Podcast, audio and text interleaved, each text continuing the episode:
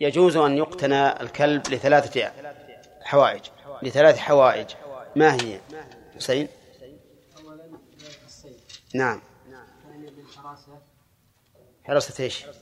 حراسة حراسة بيت يعني يكون فيقتل الكلب هو البيت. جاءت به السنة حراسة البيت. لا حراسة البيت طيب. الأمر الثالث أن يقتنيه لا لشيء أجل وش يبقى اللي حرام؟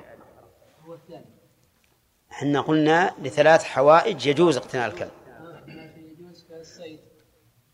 والماء والثالث؟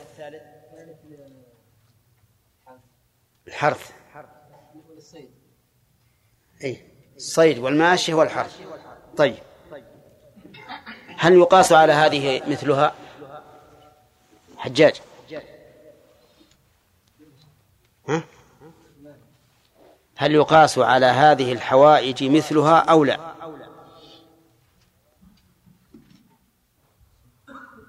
يبدو أنك من تالي تغيب عنا ها؟ قط فيه في مصر شيء؟ هي أشياء؟ طيب عبد الرحمن نعم يقاس عليها ما مثلها إي نعم. ما مثلها أو شا أو كناشر. طيب. طيب إذا قال قائل لماذا لم يقل الرسول صلى الله عليه وسلم من اقتنى كلبا إلا كلب حاجة حتى يعمم. نعم.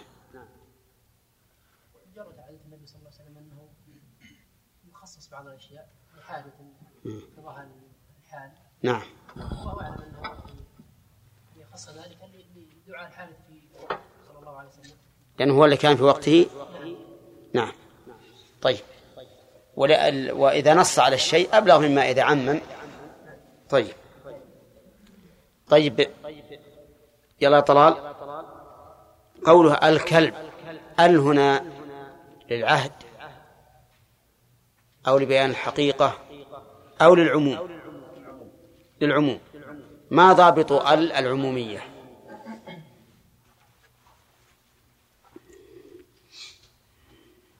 الاسم المعرف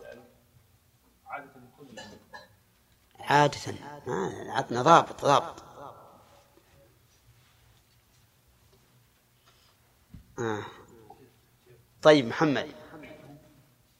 يعني يقول إنه يقيل انه من اسماء موصوله لا يا أخي موصوله ما هي ما هي على الكلب وشبهه. نعم. أي ما ضابطها. مصطفى؟ صح. كل بالسكون. التشديد.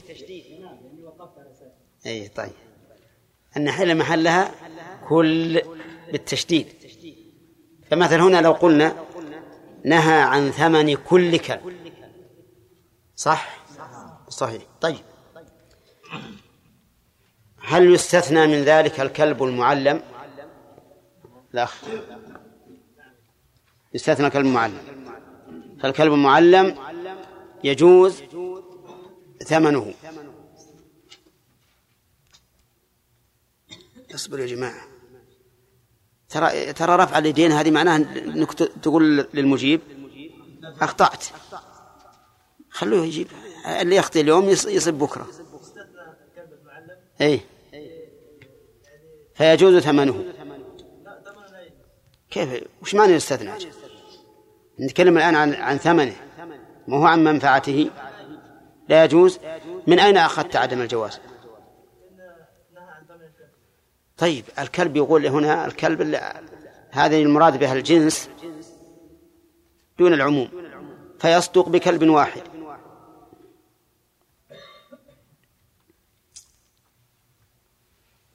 طيب أي نعم. للعموم. بدليل يحل محلها كل صح. ودخول الكلب المعلم هو من باب اولى لأن قد يقال انه من باب أولى. لأن لأنه الذي اعتيد على بيعه لأن غير المعلم ما حد راح يطلبه البيع. أو لا لأن غير المعلم لا يطلب البيع. يطلع على البر ويجيب مئة كلب طيب. على كل حال نقول لأن ال هنا للعموم فأي فرد يخرج من هذا العموم فعلى المخرج الدليل. طيب. مهر البغي من هي البغي؟ الزانية. هل لديك شاهد من القرآن يؤيد ما تقول؟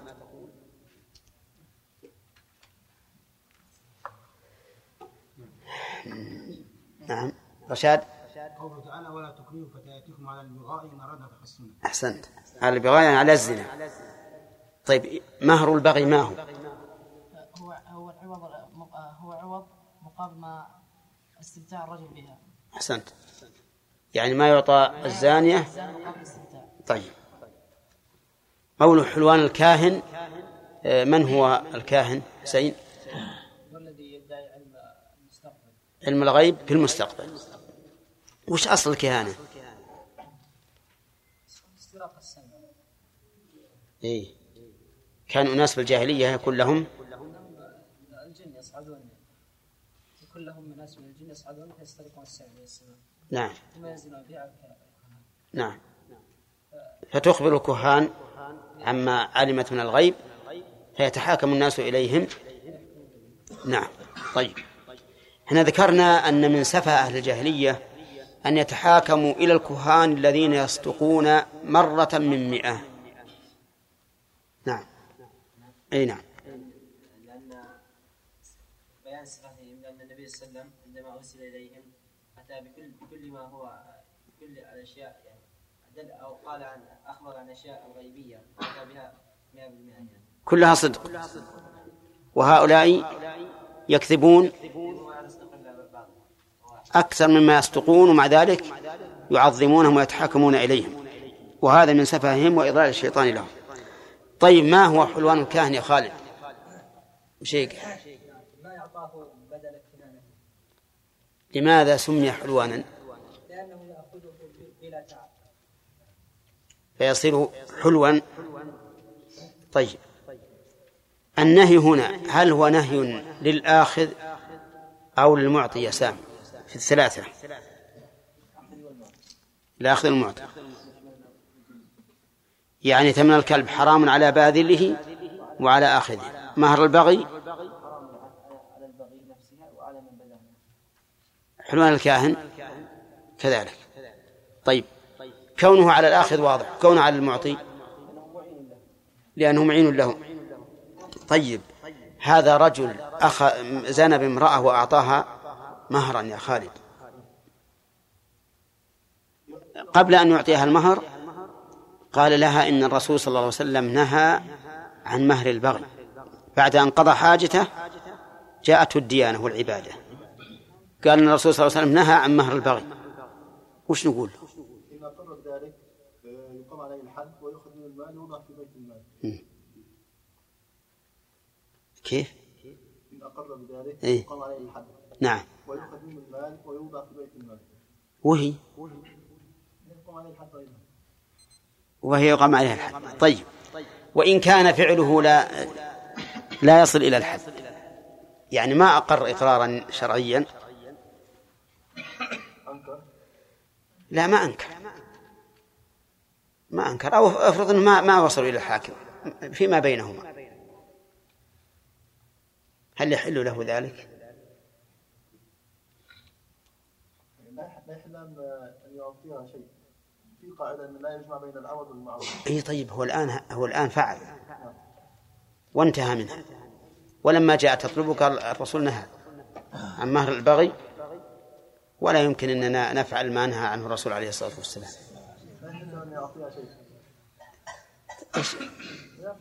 طيب هي تقول إنه استمتع بها.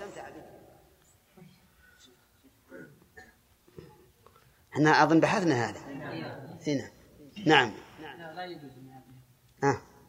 الله إذا حرم شيئا حرم طيب.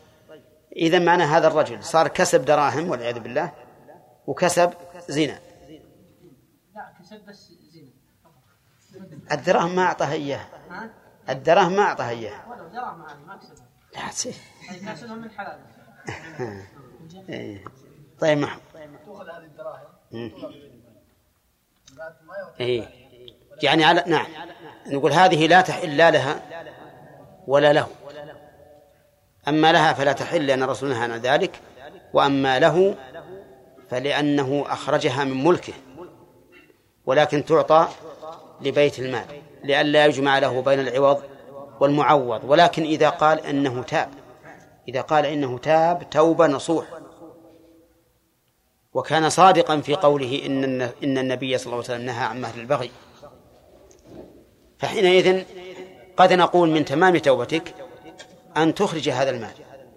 تخرج هذا المال من تمام توبتك لأنك الآن فعلت أخذت عوضه وقد يقال إنه إذا تاب فلا يلزمه أن يخرجه عن ملكه لأنه لا, لا ليس مستحقا عليه شرعا.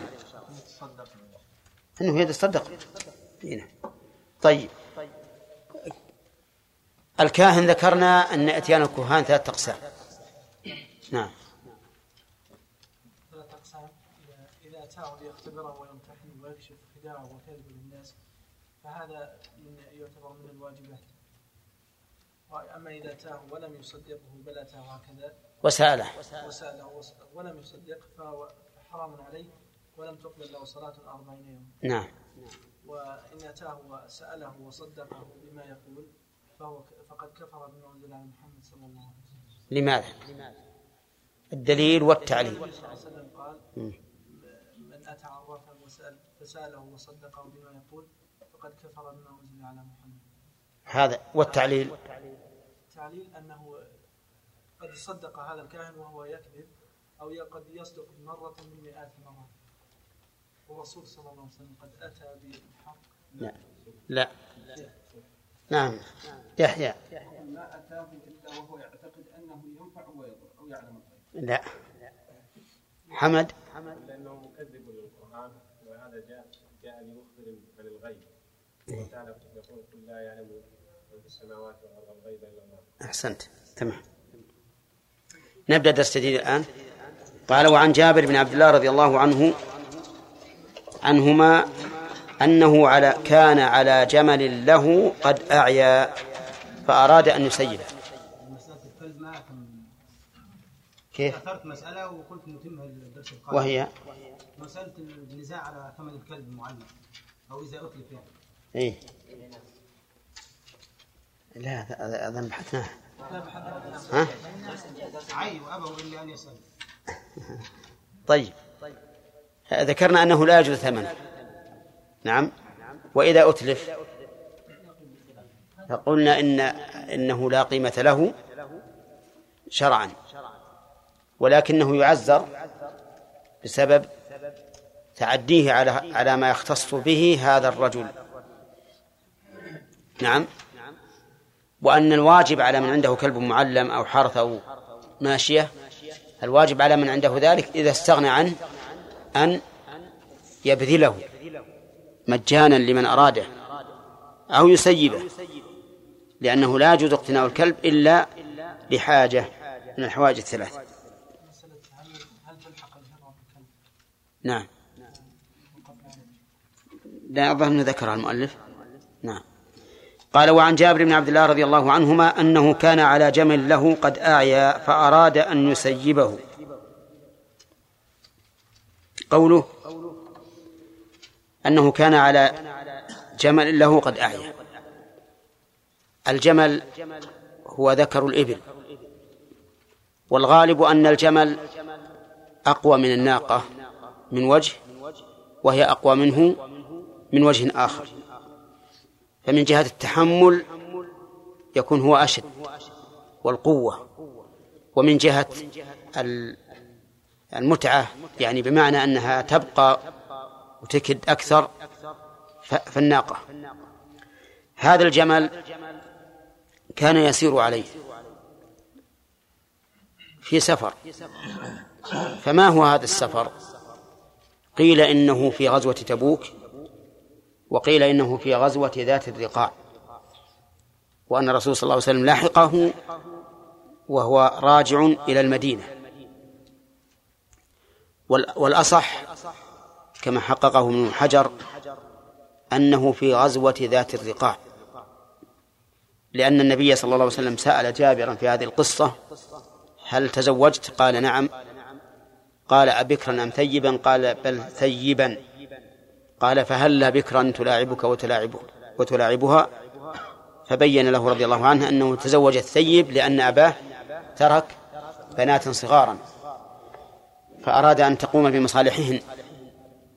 وهذا يدل على أنها في غزوة ذات الرقاع لأن غزوة ذات الرقاع كانت بعد أحد بسنة. فإن أبا جابر رضي الله عنه استشهد في أحد. والمعروف أنه إذا كان زواجه من أجل حاجة أخواته أنه سوف يبادر بهذا الزواج. سوف يبادر بهذا الزواج. فهذا يؤيد أنها كانت في غزوة ذات الرقاع. أما غزوة تبوك فكانت في السنة التاسعة من من الهجرة فهي بعيدة. على كل حال تعيين الغزوة في تبوك أو في غزوة ذات الرقاع ليس ليس بذي أهمية كبيرة ولكن العلم بالشيء ولا الجهل به. المهم القصة. وقوله قد أعيا أي تعب لأنه ضعيف. فأراد أن يسيبه يعني يتركه ويمشي على قدميه. أو يردف مع أحد الصحابة. المهم أن يدع هذا الجمل لأنه لا نفع فيه. يقول فلحقني النبي صلى الله عليه وسلم فدعا لي وضربه. لحقني. يدل لحقه الرسول وهو كان متأخرا من جهة إعياء الجمل وهو يدل على أن الرسول عليه الصلاة والسلام كان متأخرا. وهذه عادته صلى الله عليه وسلم. أن يكون في أخريات القوم ليتفقد الضعيف والمحتاج عليه الصلاة والسلام. يقول فدعا لي وضربه وهذا اللفظ مختصر لأنه سأله الرسول عليه الصلاة والسلام وش هذا الجمل؟ وبين له حاله وأنه قد أتعبه فأمره أن يعطيه المحجن. يعني العصا فأعطاه فدعا الرسول عليه الصلاة والسلام لجابر أن يبارك الله له في جمله وضرب الجمل. يقول فسار سيرا لم يسر مثله. وكان بالأول ما يمشي قد أعيا وتعب حتى أن جابرا أراد أن يتركه. يقول سار سيرا لم يسر مثله حتى إنه كان يجر الزمام له ليستمع إلى رسول الله صلى الله عليه وسلم. وحتى إنه سبق القوم يقول فقال بعنيه بأوقية قلت لا. ثم قال بعنيه فبعته بأوقية. قال بعنيه فقال بل أهبه لك يا رسول الله. فقال بل بعنيه. ثم طلب أن يبيعه بأوقية والأوقية أربعون درهما. الأوقية أربعون درهما. وهي بالنسبة إلى دراهمنا كم تساوي؟ ها؟ إذا قلنا ست وخمسين ريال هذه خمس أواق. ست وخمسين خمس أواق. الأوقية عشرة. أحد عشر. أحد عشر لا. خلنا نشوف. ما هي خمس أواق ست وخمسين عشر أواق خمسين. خمسين خمسين وقية قصدي خمس الأواق مئتين درهم ومئتين درهم ست وخمسين. معناه أن العشرة كم يكون من أوقية؟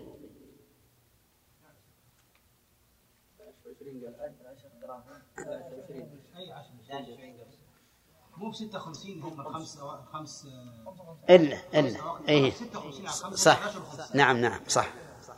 11 وخمس صحيح. أنا أنا راح وهمي 54 آه نعم. 11 وخمس. 11 ريال.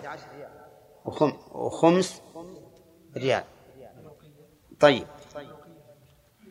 لا ما شوف يقول بعني بأوقية. الأوقية تكون خم... آه، أربعين درهم.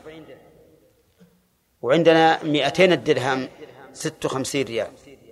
مئتين الدرهم ست وخمسين ريال. تكون كل أربعين درهم. ها؟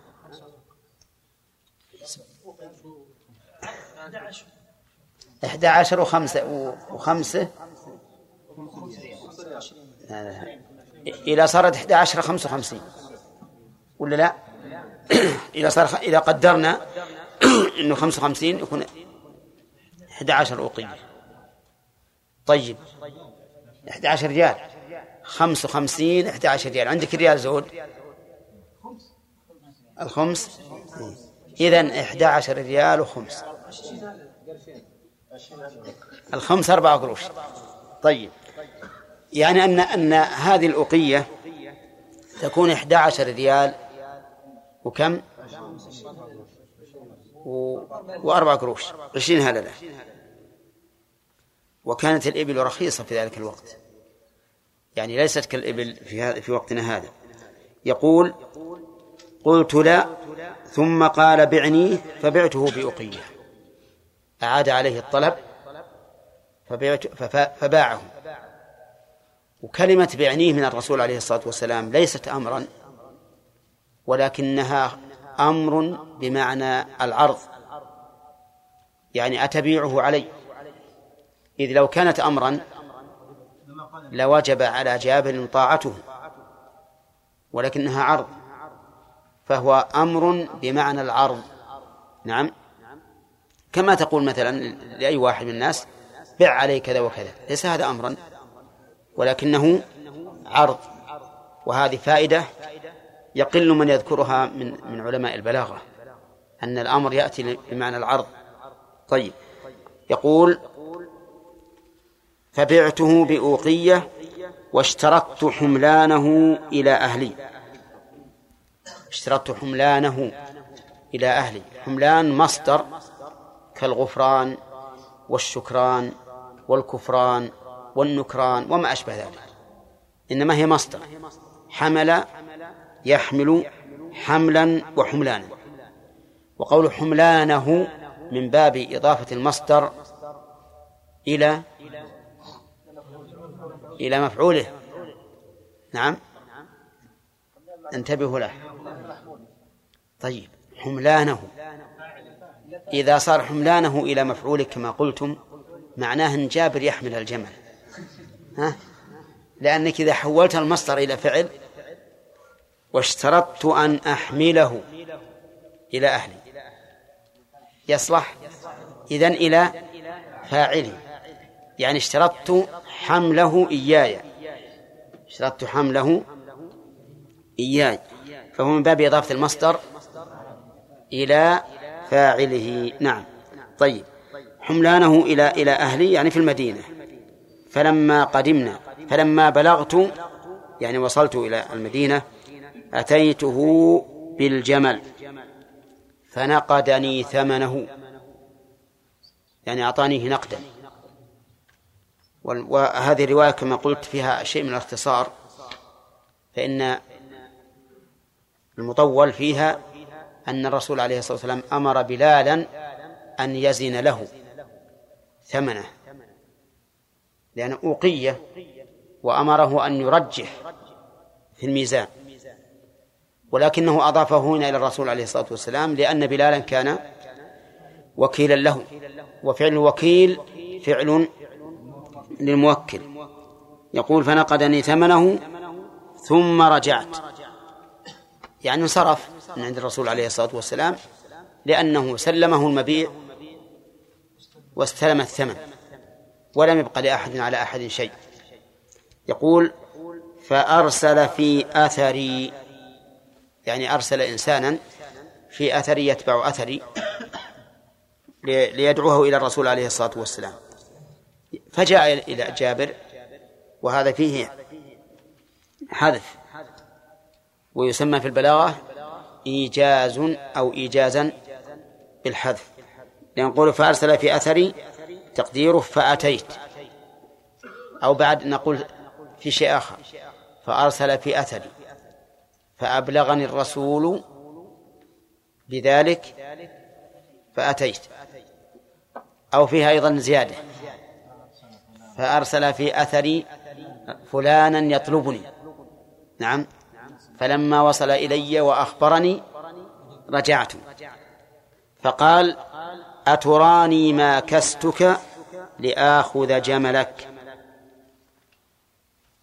الاستفهام هنا للنفي أو للتقرير.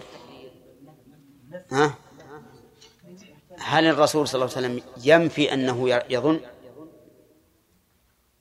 هو ينفي أنه يظن ولا يثبت أنه يظن؟ يظن. يثبت أنه يظن. وإن كان المتبادل للإنسان أن الرسول ينفي لكن الرسول ينفي المماكسة. وليس ينفي ظن هذا الرجل أنه أن الرسول ماكسه ليأخذ جمله.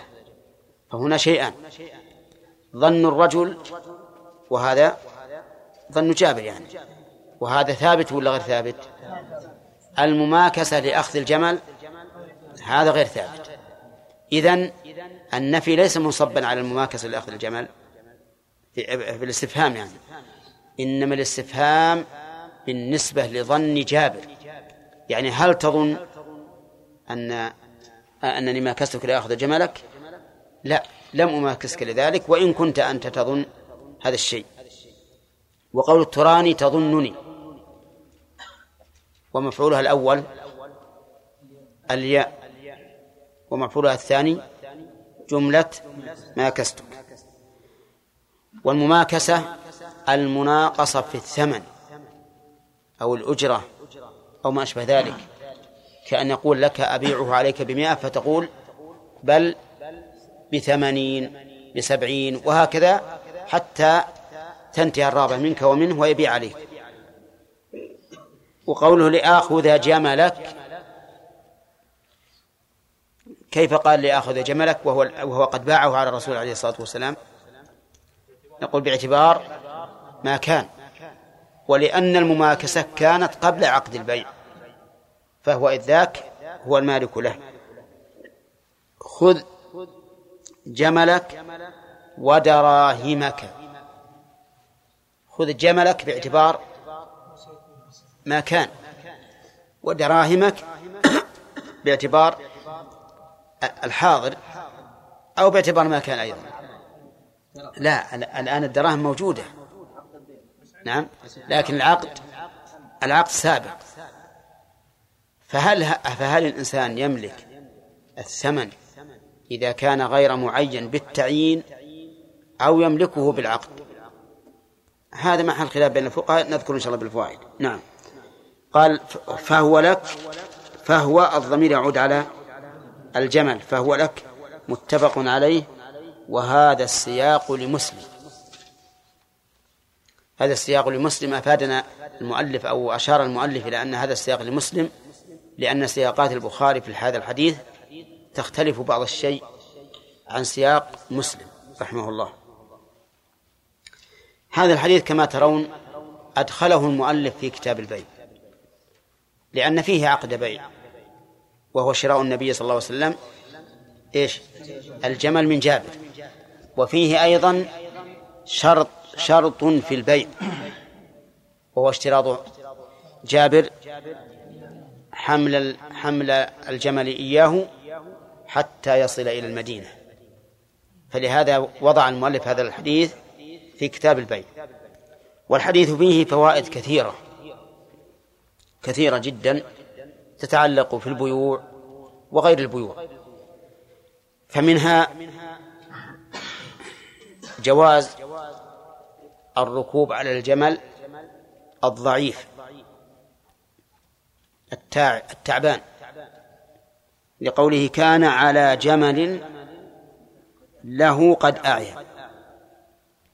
لكن قواعد الشريعة تقتضي شرطا في ذلك وهو أن لا يشق عليه. فإن كان يشق عليه فإنه لا يجوز أن يكلفه ما لا يطيق. أما إذا كان يشق عليه مشقة محتملة فإن هذا لا بأس به. طيب وهل يجوز لمن كان على مثل هذا الجمل أن يضربه حتى يلحق بالركب؟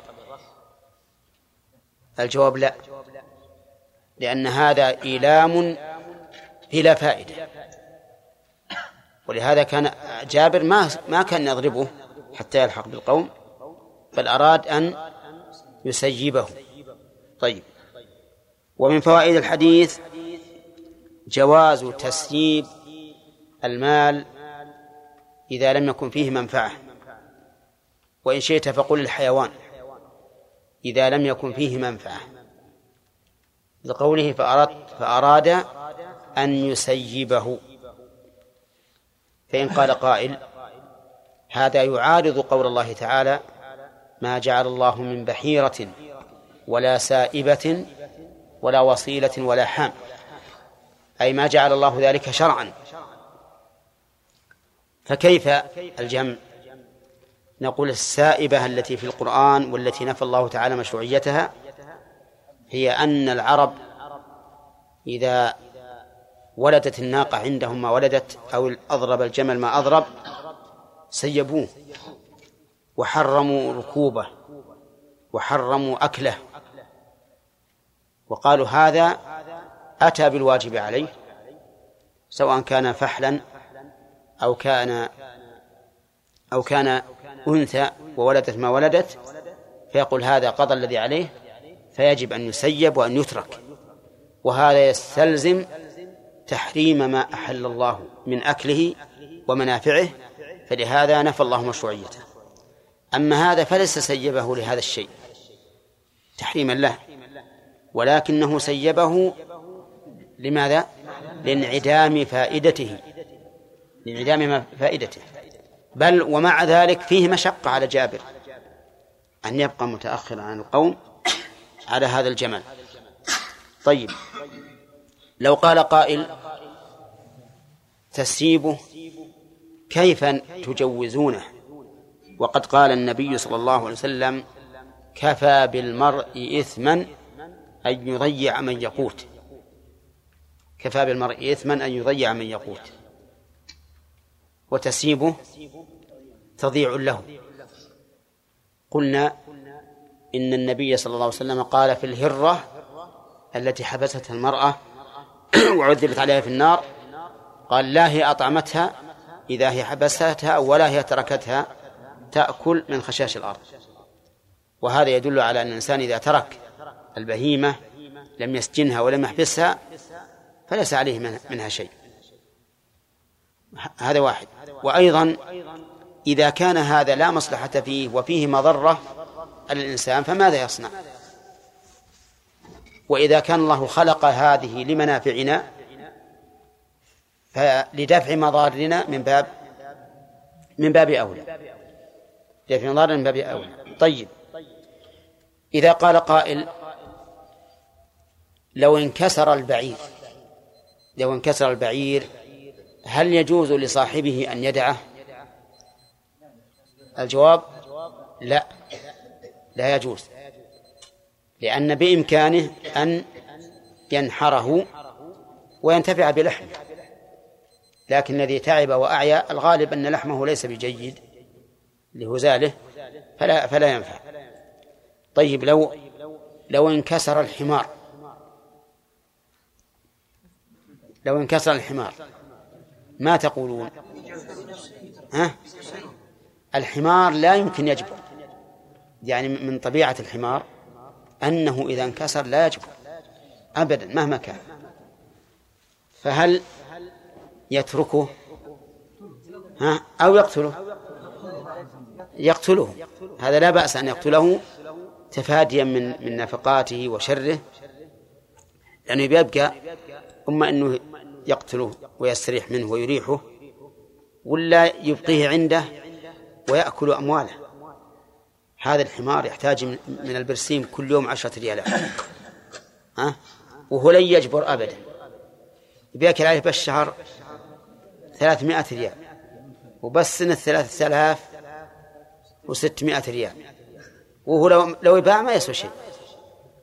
فليس له إلا هذا. إما قتله لأنه لو لو خرج به إلى البر وسيبه ما يستطيع أن يعيش لأنه مكسور.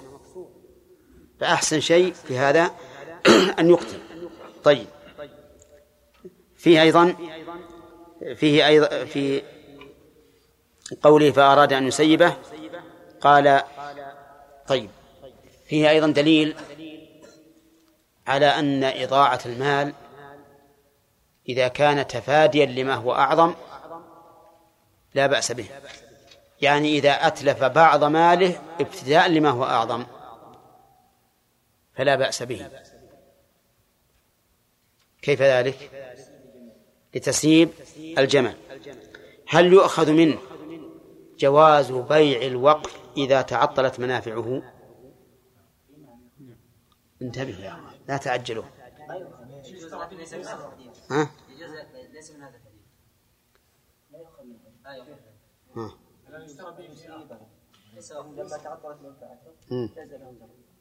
إيه.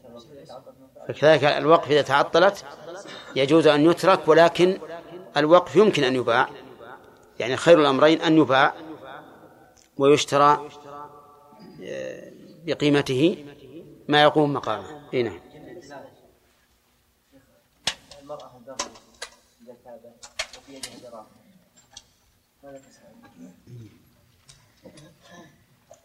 هذا سؤال عن درس مضى ها؟ ها؟ كيف؟ أي نعم. ما تقول في هذا؟ امرأة بغي تابت وبيدها دراهم. نعم. الظاهر أنها إذا تابت لا يلزمها يعني بذلها. إذا تابت فالتوبة تجب ما قبلها. هذا هو الظاهر. نعم. إي نعم تنتفع به نعم. لما لا يخص به الإبل؟ لأن هي التي ترد الماء ممكن أن تحيا لو أما غيرها قد تتلف هذه غيرها قال الرسول إما لك أو لأخيك أو للذئب. لا صاحبها أي نعم. لو مثلا تعبت هزلت الدابة معه فلماذا يسيبها؟ لماذا لا ينحرها؟ يذبحها يعني. حتى لو يكلف ممكن تعيش يا سيدي. ها؟ ممكن تبقى وتعيش. يجي عقدا لأنها مع المشي تتعب وإذا ارتاحت أي أي بس الأخ علي يقول الإبل يمكن تمشي وتاكل وتلد الماء وتأكل الشجر. لكن هذه أحيانا مثل الشاة اي نعم. اي نعم. يجي ينزل عندها ناس وهي مرتاحة. تستفيد. وعلى كل حال يظهر في هذا ان القواعد تقتضي إن كان يمكن الانتفاع بلحمها فهو يذبحها وينتفع بلحمها. إذا كان ما يمكن فتركها لا بأس به طيب بس بقى علينا بحث مسألة ثانية هل إذا وجدها أحد تكون له؟ أي غير الإبل. والإبل. الرسول صلى الله عليه وسلم سئل عن ضالة الإبل الضائعة لكن المتروكة رغبة عنها. المتروكة رغبة عنه قال أهل العلم إنه يملكها وأجدها. أيا كانت. سواء كانت شاة أو بعيرا أو خشبا أو حديدا. كل شيء تركه صاحبه رغبة عنه تعرف أنه راغب عنه فهو لك. يتفرع على هذا السيارات التي تسدم في الخطوط. هل هي لمن وجدها؟ ها؟ كيف ما تترك؟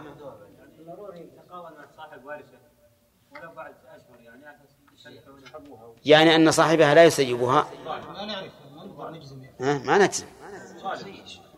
الظاهر لي أن هذه إذا كانت الصدمة قوية بحيث أن السيارة ما فيها شيء ينتفع به إلا صندوقها والهيكل فصاحبها ما ما يبغاها إن كانت بسيطة فمعروف أن صاحبها يريدها ها؟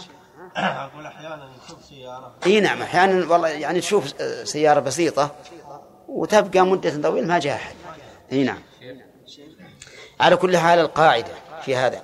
إذا غلب على الظن أن هذا متروك رغبة عنه فهو لمن وجده. نعم.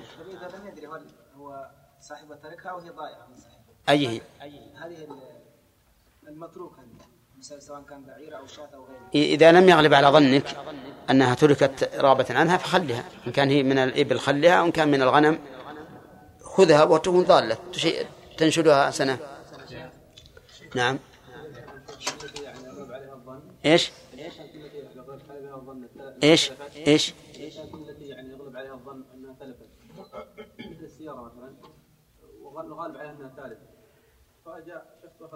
يعني قطعه الحائط إي نعم. هي مسألتنا هذه. إذا غلب على ظننا أن صاحبها تركها. فلا بأس. خذ منها ما شئت. هو ربما حتى صاحب حتى صاحب البعير اللي سيبها يمكن إذا أخذها آخذ. فيما بعد ونماها وسمنت. جاء صاحبها قال ما تركتها رغبة عنها. المهم إذا وجدت قرائن تدل على أن هذا الشيء مرغوب عنه. نعم فه- فهو, فهو, فهو لمن وجده. نعم. الشيخ الجمع بين حديث جابر ونهي النبي صلى الله عليه وسلم عن بيع بيع وشراء ما وصل. اصبر شوي. ما وصلنا الشر نعم. خالد لماذا لا يقول بجواز اخذ الفوائد الربويه وتصرف في المصالح الخيريه نعم. أصلها البنك ما هي ما هي عوض من ربح من مالي لأن مالي قد يربح وقد لا يربح. قد أعطيه هذا المال ويتجر به ويخسر. بخلاف هذا. فأنا في الحقيقة ما ربح من مالي حتى نقول هو أراد أن يعطيني عوض عن انتفاعه بمالي فقط. وقد يكون ضارا عليه. إن سبق لنا الكلام على أول هذا الحديث. وهنا مناقشة فيه. أولا متى كان هذا متى كانت هذه القصة بندر؟ نعم. وقيل في غزوة تبوك في رجوعه إما من غزوة ذات الرقاع أو من غزوة تبوك. ما الفرق بين الغزوتين؟ إيه نعم الزمن أن غزوة ذات الرقاع وقعت وقعت بعد غزوة أحد بسنة واحدة أما غزوة تبوك فقد وقعت طيب وز... وغزوة أحد متى كانت؟ السنة الثانية ثانية إذا تكون ذات الرقاب في الثالثة إيه. السنة الثالثة الرقاع الرابعة بعد حب السنة هي الثالثة إيه. طيب. طيب يا ما معنى قوله فأعيا؟ تعب. طيب وقول أن يسيبه يتركه. طيب. ما الفرق بين هذا التسييب يا عبد الله والتسييب الذي في الجاهلية؟ الناقة أو الجمل نقل إذا ولد أكثر من بطن فإنهم يسيبونه ويحرمون ركبها وأكلها أما هذا يسيبون لأنه تعب وتعطت منافعه نعم طيب قوله فنقدني ثمنه معناه عادل أعطانيه نقدا طيب قوله ما كستك غانم أي كسرتك طلب منها يعني أي. المحاطة في الثمن أي. المماكسة المحاطة في الثمن يعني يطلب أن ينقص ثم إننا شرعنا أظن في بيان الفوائد وصلنا إلى ها؟ كيف؟ طيب يعني إذن واقفين على أن أن يسيبهم ها؟ ها؟ إيه. طيب. بسم الله الرحمن الرحيم. وبه نستعين. قال قال فلاحقني النبي صلى الله عليه وسلم إلى آخره. يستفاد من هذا الحديث من هذه الجملة أن رسول الله صلى الله عليه وسلم كان يسير في أخريات القوم. لقوله فلاحقني وإذا كان جمله قد أعيا فإن من لازم ذلك أن يكون في أخريات القوم فإذا كان الرسول لاحقه كان في أخرياتهم قطعا. ويتفرع على هذه الفائدة حسن رعاية النبي صلى الله عليه وسلم لأمته وصحبه الذين معه وأنه كان يكون خلفهم. ويتفرع عليها أيضا أنه ينبغي لأمير الجيش أن يكون هكذا خلف جيشه أو خلف صحبه ورفقته ليتفقد أحوالهم بنفسه. ويتفرع من هذا أيضا تواضع رسول الله صلى الله عليه وسلم لأن بإمكانه أن يكون في مقدمة القوم ويوكل شخصا يكون في أخريات القوم لكن من تواضعه عليه الصلاة والسلام أنه كان يحب أن يكون في أخريات القوم. ومن فوائد الحديث شفقة النبي صلى الله عليه وسلم على أمته ولا سيما المستضعف منهم بقوله فدعا لي فدعا لي. ومنها أي من فوائد الحديث الإحسان إلى الغير بالدعوة له غائبا أو حاضرا. لكنه في الغيب أفضل لأن الغيب أقل منة من الحضور. إذ أن الحاضر إذا دعا للإنسان حاضر قد يستشعر أن له منة عليه بهذا الدعاء وكذلك المدعو له قد يشعر بهذه المنة فتنكسر نفسه أمامه. لكن إذا كان في الغيب زال هذا المحذور. وفيه أيضا في الدعاء, الدعاء في الغيب فيه أيضا فائدة أخرى وهي أن الملك يؤمن ويقول ولك بمثله. ولكن إذا كان في الدعوة للحاضر مصلحة أو كان هناك مناسبة كان ذلك أفضل.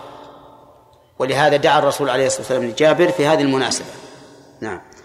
ومن فوائده جواز ضرب الحيوان ليسير. جواب ضرب الحيوان جواز ضرب الحيوان ليسير لأن النبي صلى الله عليه وسلم ضربه لكن يشترط لذلك شرطان. الشرط الأول أن لا يكون ضربا مبرحا كما يفعل بعض الناس يأخذ له خشبة ويضرب الجمل أو الحمار أو ما أشبه ذلك. والثاني أن لا يكون فوق طاقة ذلك الحيوان. فإن كان فوق طاقته بأن يكون الحيوان قد بذل طاقته لكن ليس عنده قدرة فحينئذ يكون ضربه مجرد مجرد تعذيب ليس فيه فائدة. والمقصود من ذلك من الضرب الفائدة. طيب. ومن فوائد الحديث ظهور آية من آيات الرسول عليه الصلاة والسلام وهو أنه حين دعا لجابر وضرب جمله سار الجمل سيرا لم يسر مثله قط. وهذا من آيات النبي عليه الصلاة والسلام. والآية كل علامة يتبين بها صدق المدعى. هذه الآية. كل علامة يتبين بها صدق المدعى فهي على فهي آية. والتعبير بآية فيما يظهر من خوارق العادات على أيدي الأنبياء أولى من التعبير بالمعجزة. لوجهين. الوجه الأول أن ذلك هو التعبير القرآني والتعبير النبوي. آية. حتى إن الله عز وجل جعل الآية في فيما دون ذلك. وآية لهم أن حملنا ذريتهم في الفلك مشحون وقال أولم يكن لهم آية أن يعلمه علماء بني إسرائيل؟ والوجه الثاني أن المعجزة قد تقع من غير نبي قد تقع من ساحر ومستخدم للشياطين وما أشبه ذلك. فلهذا كان التعبير بالآية أولى لهذين الوجهين. طيب وفي ومن فوائد الحديث أيضا أنه ينبغي للإنسان أن يعين أخاه المسلم في مركوبه. من أين يؤخذ؟ من كون الرسول دعا له وضرب الجمل حتى صار سيرا لم يسل مثله. ومعونة الإنسان في هذه الأمور من الصدقة. كما قال الرسول عليه الصلاة والسلام تعين الرجل في دابته فتحمله عليها أو ترفع له عليها متاعه صدقة. ومن فوائد الحديث جواز اختبار الإنسان بما لا يراد بما لا يراد حقيقته. لقول الرسول عليه الصلاة والسلام بعنيه. فإن الرسول طلب أن يبيعه منه لا ليأخذ الجمل ولكن ليختبره. فإن جابرا كان يريد أن يسيبه رغبة عنه وزهدا فيه ولا يريده بل يريد التخلص منه. ثم لما بلغ إلى هذه الحال فسار سيرا لم مثله أراد الرسول عليه الصلاة والسلام أن يختبره فقال بعنيه بعنيه فقال نعم بعنيه بأوقية قال لا. هذا هو أحسن ما يحمل عليه الحديث. وأما قول بعضهم إن الرسول صلى الله عليه وسلم أراد أن يبر جابرا ولكنه خشي أن ينكسر قلبه إذا أعطاه فتحيل على عطيته بأن يظهر ذلك في صورة شراء الجمل. فهذا بعيد. ويبعده أن الرسول قال ذلك بمناسبة ما حصل للجمل. يعني أن سبب هذا الشيء واضح. ليس السبب أن أن الرسول أراد أن ينفع جابرا فتحيل بهذه الحيلة. وقال بعضهم إن الرسول صلى الله عليه وسلم أراد أن يعطيه زيادة نفل. من الغنيمة. ولكن خاف أن يعطيه أمام الناس فيقال فضله علينا. فأراد أن يجعلها في صورة شراء. نعم شراء لجمله. وهذا أيضا بعيد. هذا أيضا بعيد. فأظهر ما يحمل عليه الحديث ما ما ذكرته. قال ومن فوائد الحديث أيضا جواز شراء الأكابر من الأصاغر. نعم. لأن الرسول صلى الله عليه وسلم اشترى من جابر. ويدخل فيه السن ولا لا؟ يدخل فيه السن والمقدار. نعم. فعليه يجوز أن يشتري الأب من من ابنه. والأخ الكبير من أخيه الصغير والأمير من المأمور. والسيد من عبده. ليش؟ آه لأنه لأنه نعم. لأن العبد وماله ملك لسيده. طيب. من فوائد الحديث أيضا أنه لا يعد من المعصية إذا امتنع البائع من البيع.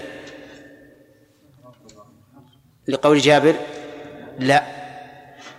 ولم يكن هذا معصية لرسول الله صلى الله عليه وسلم ولهذا ما وبخه الرسول عليه الصلاة والسلام. وعلى هذا فلو قال لك أخوك أو أبوك يعني كذا فقلت لا لم يعد هذا عقوقا ولا قطيعة رحم.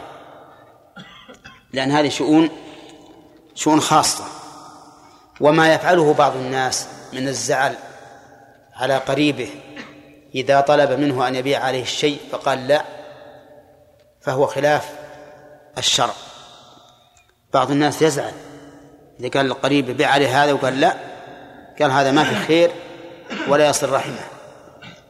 فنقول بل أنت الذي أخطأت. ليس لك الحق في أن تغضب من هذا الشيء أو تستنكره وقد وقع ذلك من أفضل القرون من أفضل الصحابة مع النبي عليه الصلاة والسلام. ومن فوائد الحديث تقدير الثمن في المساومة. لقوله بأوقية. ولكن قد يقول قائل هذه الفائدة كما يقال السماء فوقنا والأرض تحتنا. فما الجواب؟ الجواب أن في تعيين الثمن فائدة من أجل أن يقدم أو يحجم يعني ليس كما لو قلت بع علي بيتك بع علي سيارتك بع علي ساعتك بع علي قلمك وما أشبه ذلك لا. إذا عينت ففيه فائدة وهو أن البائع يقدم إن رأى أن الثمن مناسب أو يحجم إذا رآه غير مناسب. طيب هل هل يقال أو هل يمكن أن نقول إن فيه دليلا على اشتراط العلم بالثمن؟ ها؟ هو على كل حال يشترط لكن هل يؤخذ من هذا الحديث؟ أو لا؟ الظاهر أنه لا يؤخذ لكنه لا شك أن تعيين الثمن أولى وأحسن. طيب. ومن فوائد الحديث جواز تكرار طلب البيع أو الشراء. لقوله بعنيه فقلت لا قال بعنيه. ولا يعد هذا من الإلحاح المكروه. لا يعد هذا من الإلحاح المكروه. فلو جئت إلى شخص وقلت بع علي بيتك بكذا وكذا قال لا. ثم مضى زمن وقلت بعه علي وقلت مرة ثانية ثالثة ورابعة فلا حرج. ولا يعد هذا من الإلحاح المكروه. لأنني لا أريد أن يعطيني أن يعطينيه بلا ثمن بل أريد أن يعطينيه بثمن فلست أسأل. ولهذا كرر الرسول صلى الله عليه وسلم آه، طلب البيع. قال بعنيه. ومن فوائده آه، جواز اشتراط منفعة المبيع على وجه معلوم. جواز اشتراط منفعة المبيع على وجه معلوم. ها؟ لأن اشتراط لأن جابر اشترط حملان الجمل إلى المدينة. إلى ألف المدينة. والعلم قد يكون بالزمن وقد يكون بالعمل وقد يكون بالمسافة. قد يكون في الزمن كما لو اشترطت عليه أن أستعمل هذا المبيع أو أسكن هذا البيت لمدة شهر. هذا بالزمن. قد يكون بالعمل. كما لو بعت عبدا واشترطت أن يعمل لي ثوبا يخيط لي ثوبا. هذا بإيش؟ بالعمل.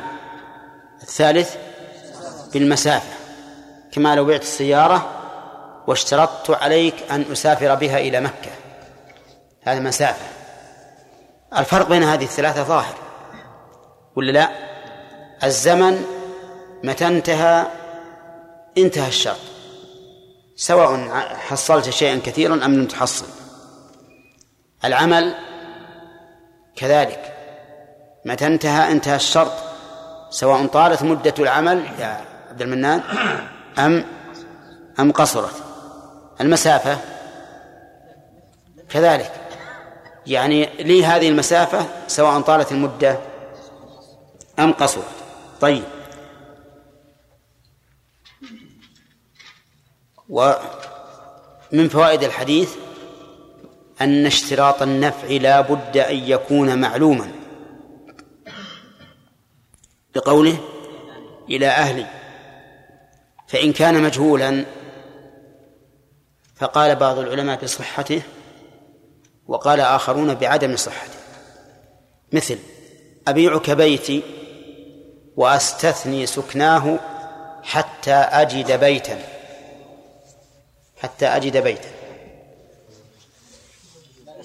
يجوز ولا لا؟ على الخلاف. منهم من قال يجوز ويضرب له مدة يمكن أن يحصل على بيت في مثلها. ومنهم من يقول لا يجوز. ولا شك أن تعيين المدة أقطع للنزاع وأبعد عن الاختلاف فهو أولى. وأنت إذا ظننت أنك لا تحصل بيتا إلا في خلال شهر فاجعل المدة شهرين. أليس كذلك؟ حتى إذا وجدته في خلال الشهر تكون لك المنة على صاحب البيت إذا أعطيته بيته وتنازلت عن بقية المدة. أنت احتط لنفسك. طيب لو شرط النفع في غير المبيع قال بعتك بيتي على أن تسكنني بيتك شهرا. ها؟ لا يصح. نعم. والفرق بينهما أنه في الأول استبقاء منفعة أما هذا فهو تجديد منفعة. كيف استبقاء منفعة؟ لأني عندما أبيعك البيت تملك عينه ومنافعه من حين من حين العقد. فإذا استثنيت منفعته لمدة سنة مثلا فاستثناء هذا استبقاء استبقاء لمنفعة كنت أملكها أنا. فاستبقيت المنفعة لهذه المدة فصار هذا جائزا. أما إذا قلت على أن تسكنني بيتك شهرا فهذه منفعة مستجدة. ليس لها علاقة بالمبيع فليست استبقاء منفعة وإنما هي كعقد الإجارة. كأنها عقد إجارة. واشتراط عقد في عقد لا يصح. هذا هو الذي مشى عليه أصحابنا رحمهم الله وجعلوا هذا من باب بيعتين في بيعة. فقالوا لا يصح اشتراط عقد في عقد. والقول الثاني في المسألة أن هذا صحيح أن أبيع عليك هذا البيت بشرط أن تسكنني بيتك لمدة شهر أو لمدة سنة حسب ما نتفق عليه. وقالوا إن أقصى ما في ذلك أنه عقد جمع بين بيع وإيه وإجارة. وإجارة. ولا دليل على المنع من الجمع بين عقدين. ما فيه دليل. ولهذا يجوز أن أقول بعتك بيتي على أن تبيعني بيتك بثمن معلوم. ليس فليس وليس هناك دليل على المنع. فإن قال قائل أليس النبي صلى الله عليه وسلم قد نهى عن نكاح الشغار؟ فالجواب بلى. ولكن نكاح ولكن نكاح الشغار يتعلق به حق ثالث. يخاف أن يمتهن حقه بهذا الشرط. من الثالث؟ المرأة. المرأة ربما يقول أنا أزوجك ابنتي على أن تزوج ابنتك والمهر ويذكر المهر وكل شيء لكن يكون في هذا إجحاف على المرأتين أو على إحداهما. بخلاف هذه المسألة. هذه المسألة ما فيها إجحاف في أحد. فالصحيح أنه يجوز الجمع بين أنه يجوز إشراط عقد آخر مع هذا العقد. إلا إذا تضمن ذلك محذورا شرعيا. كما لو قلت أقرضتك هذا ألف ريال بشرط أن تسكنني بيتك سنة. ها؟ هذا لا يجوز. ليش؟ لأنه قرض جر منفعة وأخرج القرض عن موضوعه إذ أن الأصل في القرض هو الإرفاق والإحسان. والآن جعلته من باب المعاوضة والطمع. ولهذا نقول كل قرض جر منفعة فهو ربا سواء صح الحديث أم لم يصح. الحديث لا يصح بهذا اللفظ لكن معناه صحيح. على كل حال نقول إذا اشترط منفعة في المبيع نعم فهو جائز. دليله حديث جابر رضي الله عنه. كذا ولا لا؟ إن اشترط منفعة في غيره ففيه خلاف والراجح جواز ذلك. الراجح جواز ذلك. طيب بعض العلماء يقول إن إن جواز هذا الشرط على خلاف القياس. إن جواز هذا الشرط على خلاف القياس. انتبه. ويأتون بأشياء من العقود يقولون أنها على خلاف القياس. يعني أن القياس يقتضي بطلانها لكن تبعنا النص فيها. مثلا المزارعة يقول على خلاف القياس. المساقات على خلاف القياس. المضاربة على خلاف القياس. حتى أن بعضهم قال الإجارة على خلاف القياس. لأنها الإجارة على منافع معدومة. قد تحصل وقد تتلف العين المؤجرة ولا يحصل شيء. ويقولون أيضا هذا الشرط على خلاف القياس. نقول لهم ما القياس الذي تريدون؟ قالوا لأن القياس أن العين إذا انتقلت بالبيع انتقلت بمنافعها. وهنا ما انتقلت بمنافعها بقيت منفعة مرهو يعني مستحقة للبائع. فهذا خلاف القياس. فيقال لهم أولا جواب عام. ليس ليس في في السنة الصحيحة شيء على خلاف القياس. ومن ظن أن فيها شيئا على خلاف القياس فإما أن يكون أخطأ في الظن وإما أن يكون قياسه فاسدا. لماذا؟ لأن الشرع جاء على وفق العقول السليمة الصريحة لا في أخباره ولا في أحكامه. ما في الشرع ما في شيء على خلاف القياس أبدا.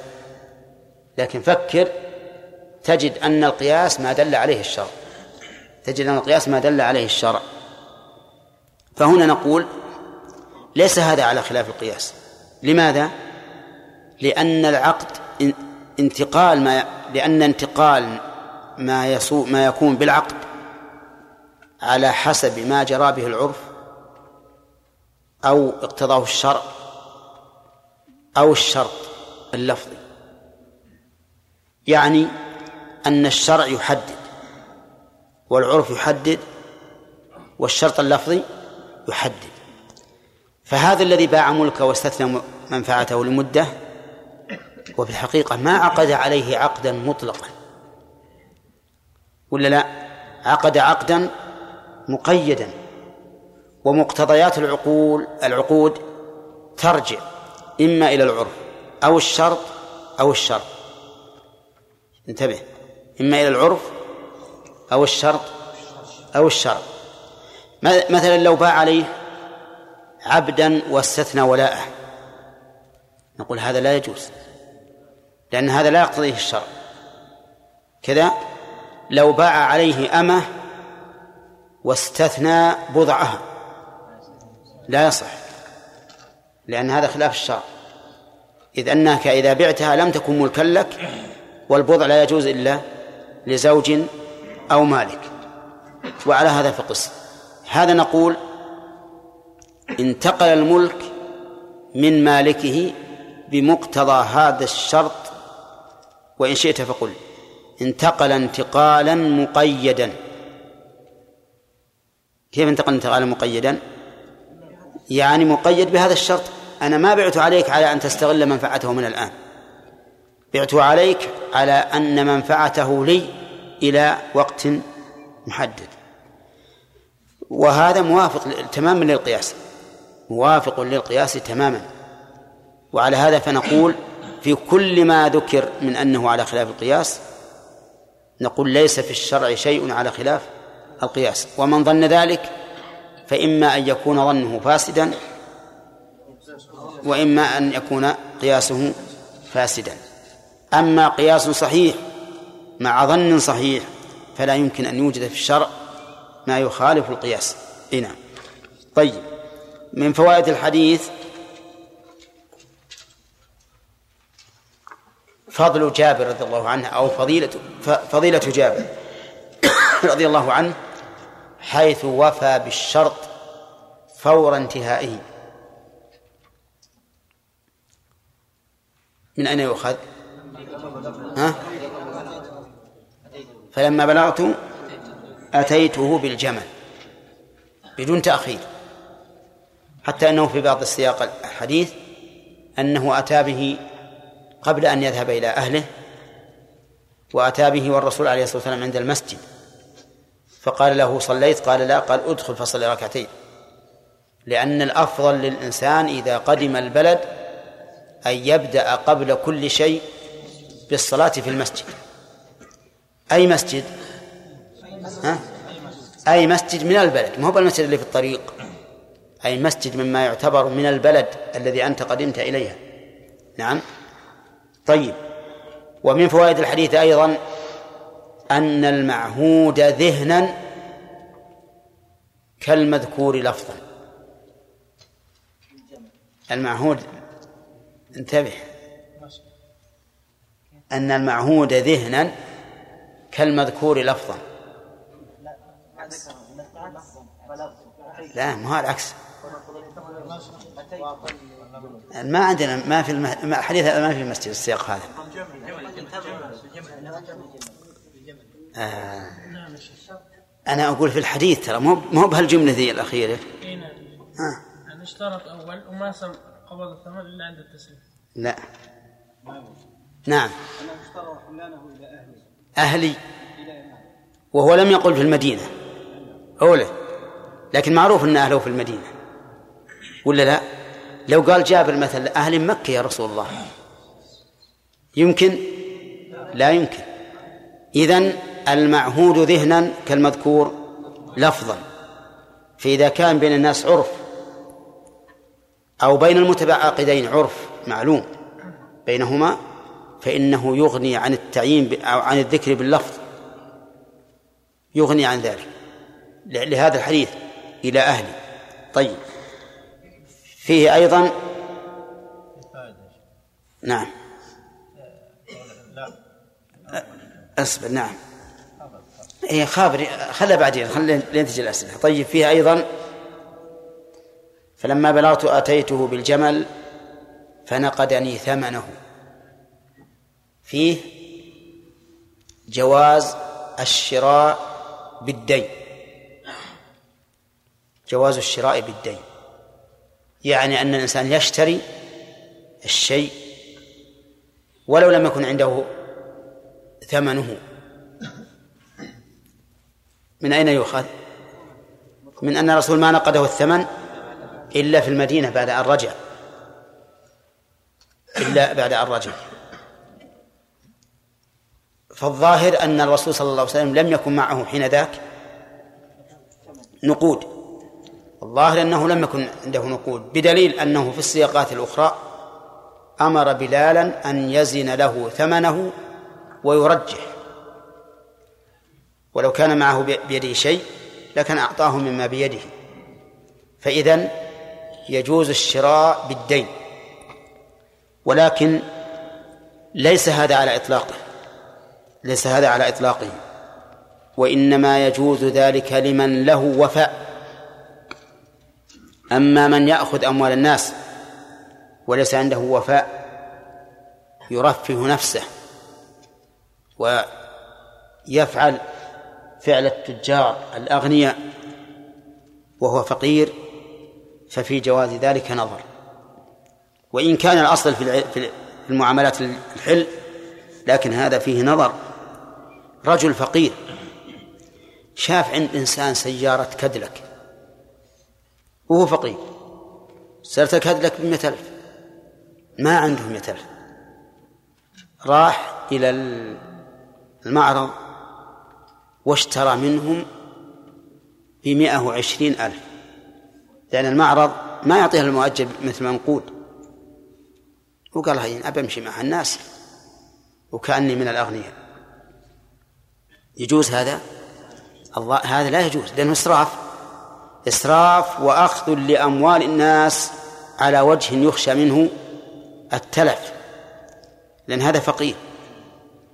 ولهذا لم يرشد النبي صلى الله عليه وسلم الرجل الذي أراد أن يتزوج المرأة لم يرشده إلى الاستدانة. لما قال ما عندي شيء لم يرشدوا إلى الاستدانة مع أن مع أن النكاح من أهم المهمات.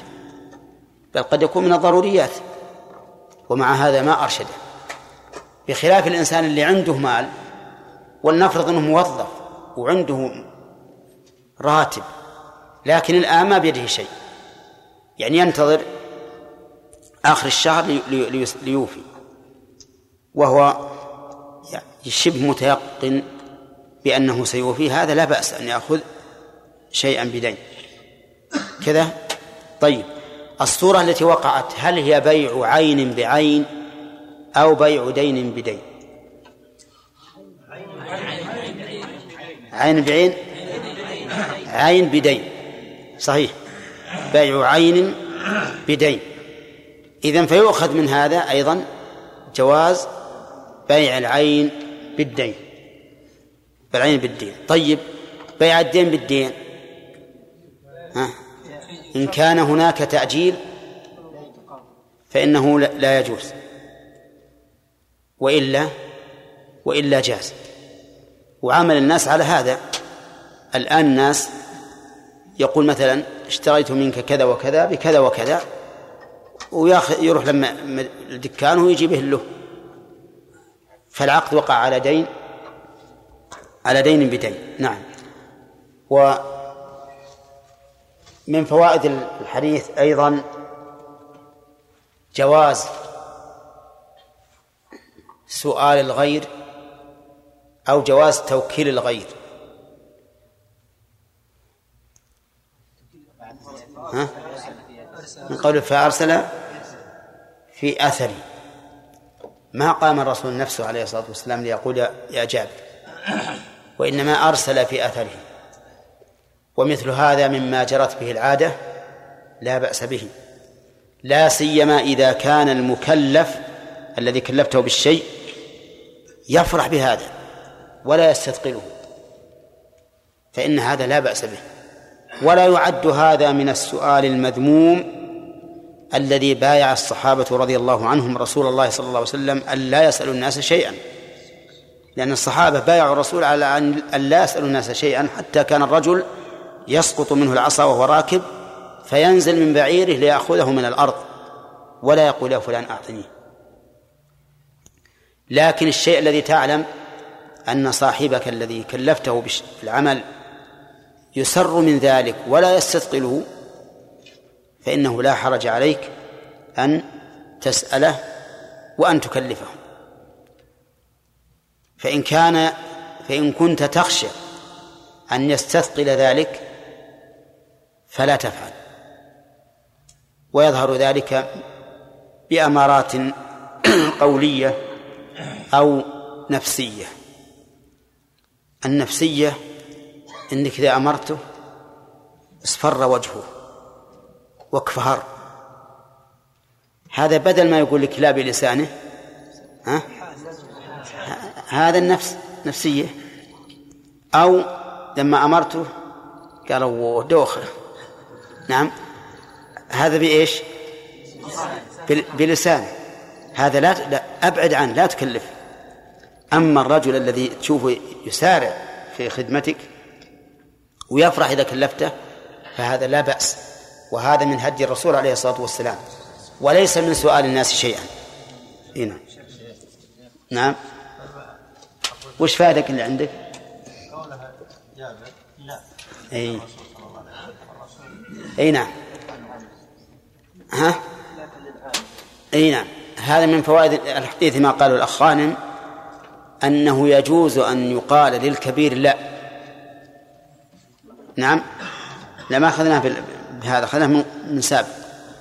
نعم. خلافا لما عند العامة. العامة ما يقول لا لكن يقولون سلامتك. سلامتك. نعم. ولا مالك لوى؟ نعم. ولا وش تقول بالمرأة تكرم؟ أكرم المرأة؟ يزعلون بعضهم بعض مثل لو قال شخصا. والله شوف هي على حسب الحال. يعني بعض الناس إذا إذا عرف أن هذا الإنسان صريح قال مثلا تفضل عندك قال لا. اشترى هذا؟ قال لا. بع هذا؟ قال لا. ما يزعلون منه. بسم الله الرحمن الرحيم. الحمد لله رب العالمين والصلاة والسلام على نبينا محمد وعلى آله وأصحابه أجمعين. من الفوائد في هذا الحديث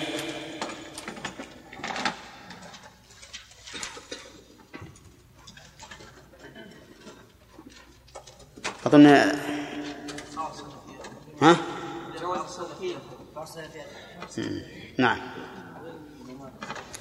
ذكرنا فيه جواز التوكيل في الوفاء بأن يوكل شخص إنسانا يتولى الوفاء عنه. ويؤخذ منها أيضا جواز التوكيل في الاستيفاء بأن يوكل شخصا يستوفي حقه ممن هو عليه.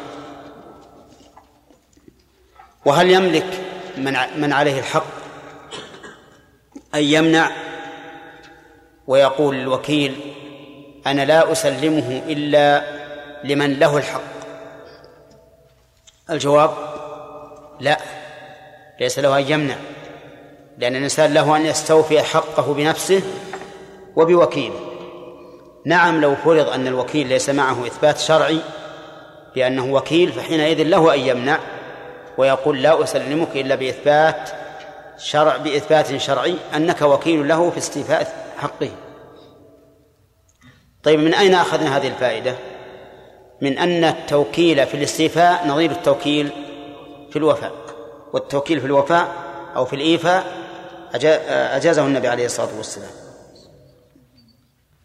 ومن فوائد الحديث بيان أن رسول الله صلى الله عليه وسلم لم يرد بالبيع حقيقته.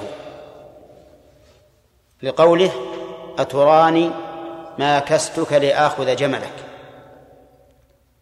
وهل أراد النبي عليه الصلاة والسلام أن يتصدق عليه فتوصل بهذا العقد الصوري إلى الصدقة؟ قيل بذلك قيل بهذا.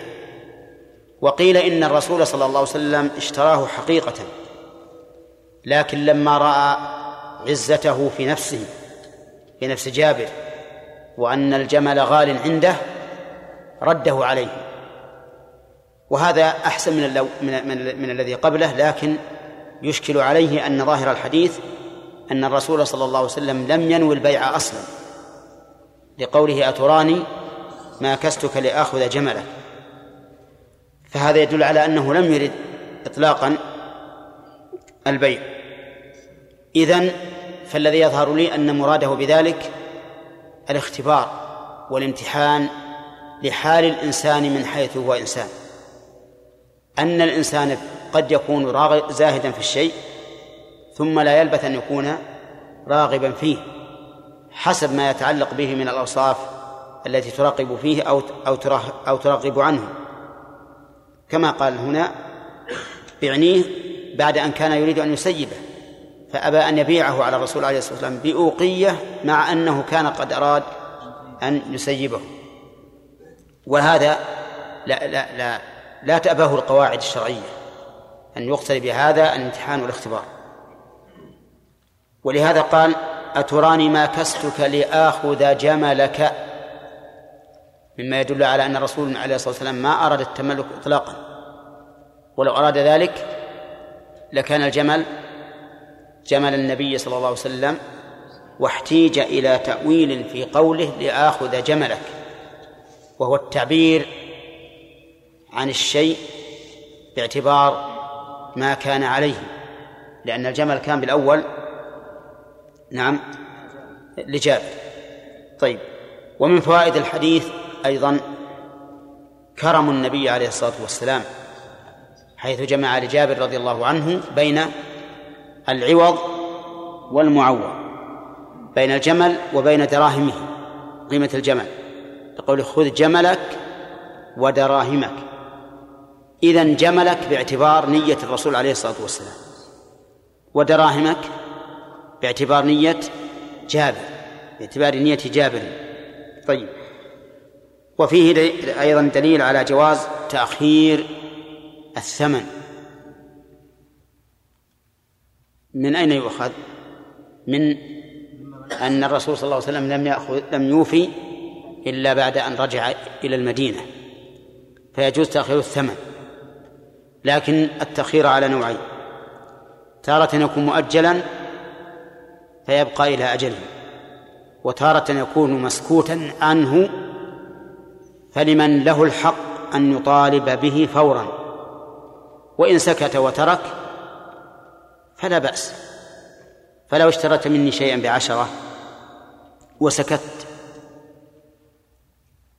ولم أطالبك إلا بعد شهر أو شهرين أو سنة أو سنتين فهذا لا بأس به. لأن الحق لمن؟ للبائع. الحق للبائع. فإن طالبه فور انعقاد البيع. فله الحق. أي نعم فله الحق. أما إذا كان مؤجلا فإلى أجله. وفي وفي الحديث من الفوائد انعقاد العقود بما دلت عليه. بما دل عليها قصد. فيه من الفوائد انعقاد العقود بما دل عليها. لأننا لم نجد في في هذا الحديث لما قال خذ جملك ودراهمك فهو لك. ما نجد أن فيه صر تصريحا بلفظ الهبة. ولا تصريحا بلفظ القبول. فالرسول ما قال وهبتك؟ صلى الله عليه وسلم. وجابر لم يقل قبلت. وهذا القول هو الراجح من أقوال أهل العلم. على أن العقود تنعقد بما دل عليها حتى النكاح. حتى النكاح ينعقد بما دل عليه. لأن لأن اللفظ تعبير عن ما في النفس. فإذا دل اللفظ عن على ما في النفس بأي لغة كان وبأي لفظ كان وبأي أسلوب كان فإنه يكون نعم صالحا لأن ينعقد به العقد. ولهذا قال النبي عليه الصلاة والسلام في صفية إني إنه أعتقها أعتقها بل إن الحديث الثابت فيها أن الرسول أعتقها وجعل عتقها صداقها. فلو قال الرجل لأمته أعتقتك وجعلت عتقك صداقك صح العتق وصح النكاح مع أنه ليس فيه إيجاب ولا قبول. يعني ليس فيه لفظ أنكحتك أو أنكحت نفسي أمتي أو ما أشبه ذلك. فدل هذا على أن أن العقود تنعقد بما دل عليها. طيب بما دل عليها شرعا أو عرفا؟ عرفا. بما دل عليها عرفا لأن هذا الخطاب يتعارف يتعارف الناس مدلوله بينهم فيرجع فيه إلى العرف. طيب فإن اختلف العرف فإنه يرجع إلى تعيين المراد يرجع في تعيين المراد إلى المتكلم. لو اختلف العرف وهذا يقع كثيرا خصوصا في في اللهجات. فإنه يرجع في تعيين المراد إلى المتكلم به. وأما إذا كان مضطردا فعلى ما تعرف الناس عليه. ثم طيب أظن انتهت الفوائد الآن. نعم ذكرناه ذكرناه. ذكرناه. قبل قبل الإجابة شيخ يعني البوقية. أي. لا ما في. لا ليس قبول. هذا عرضا. ذكرناها إيه هي المكاسرة المكا... المماكسة المحاطة في الثمن أو المناقصة في الثمن. نعم.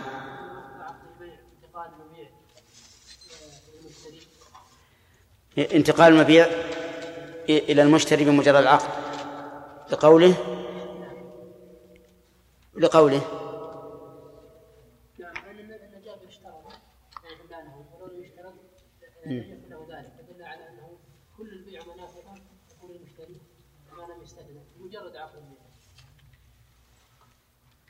يمكن. هذا جيد. يعني معناه نأخذ منه إنه أن العقد أن الملك ينتقل إلى المشتري بمجرد العقد. ها؟ هذا الأصل. أي هذا الأصل. طيب يتفرع على ذلك أنه لو تلف لو تلف فعلى المشتري ولا لا؟ ولو زاد فللمشتري. اي نعم. في شيء؟ اي اي نعم. جواز بيع الامام مع رعيته. ذكرناه؟ إيه.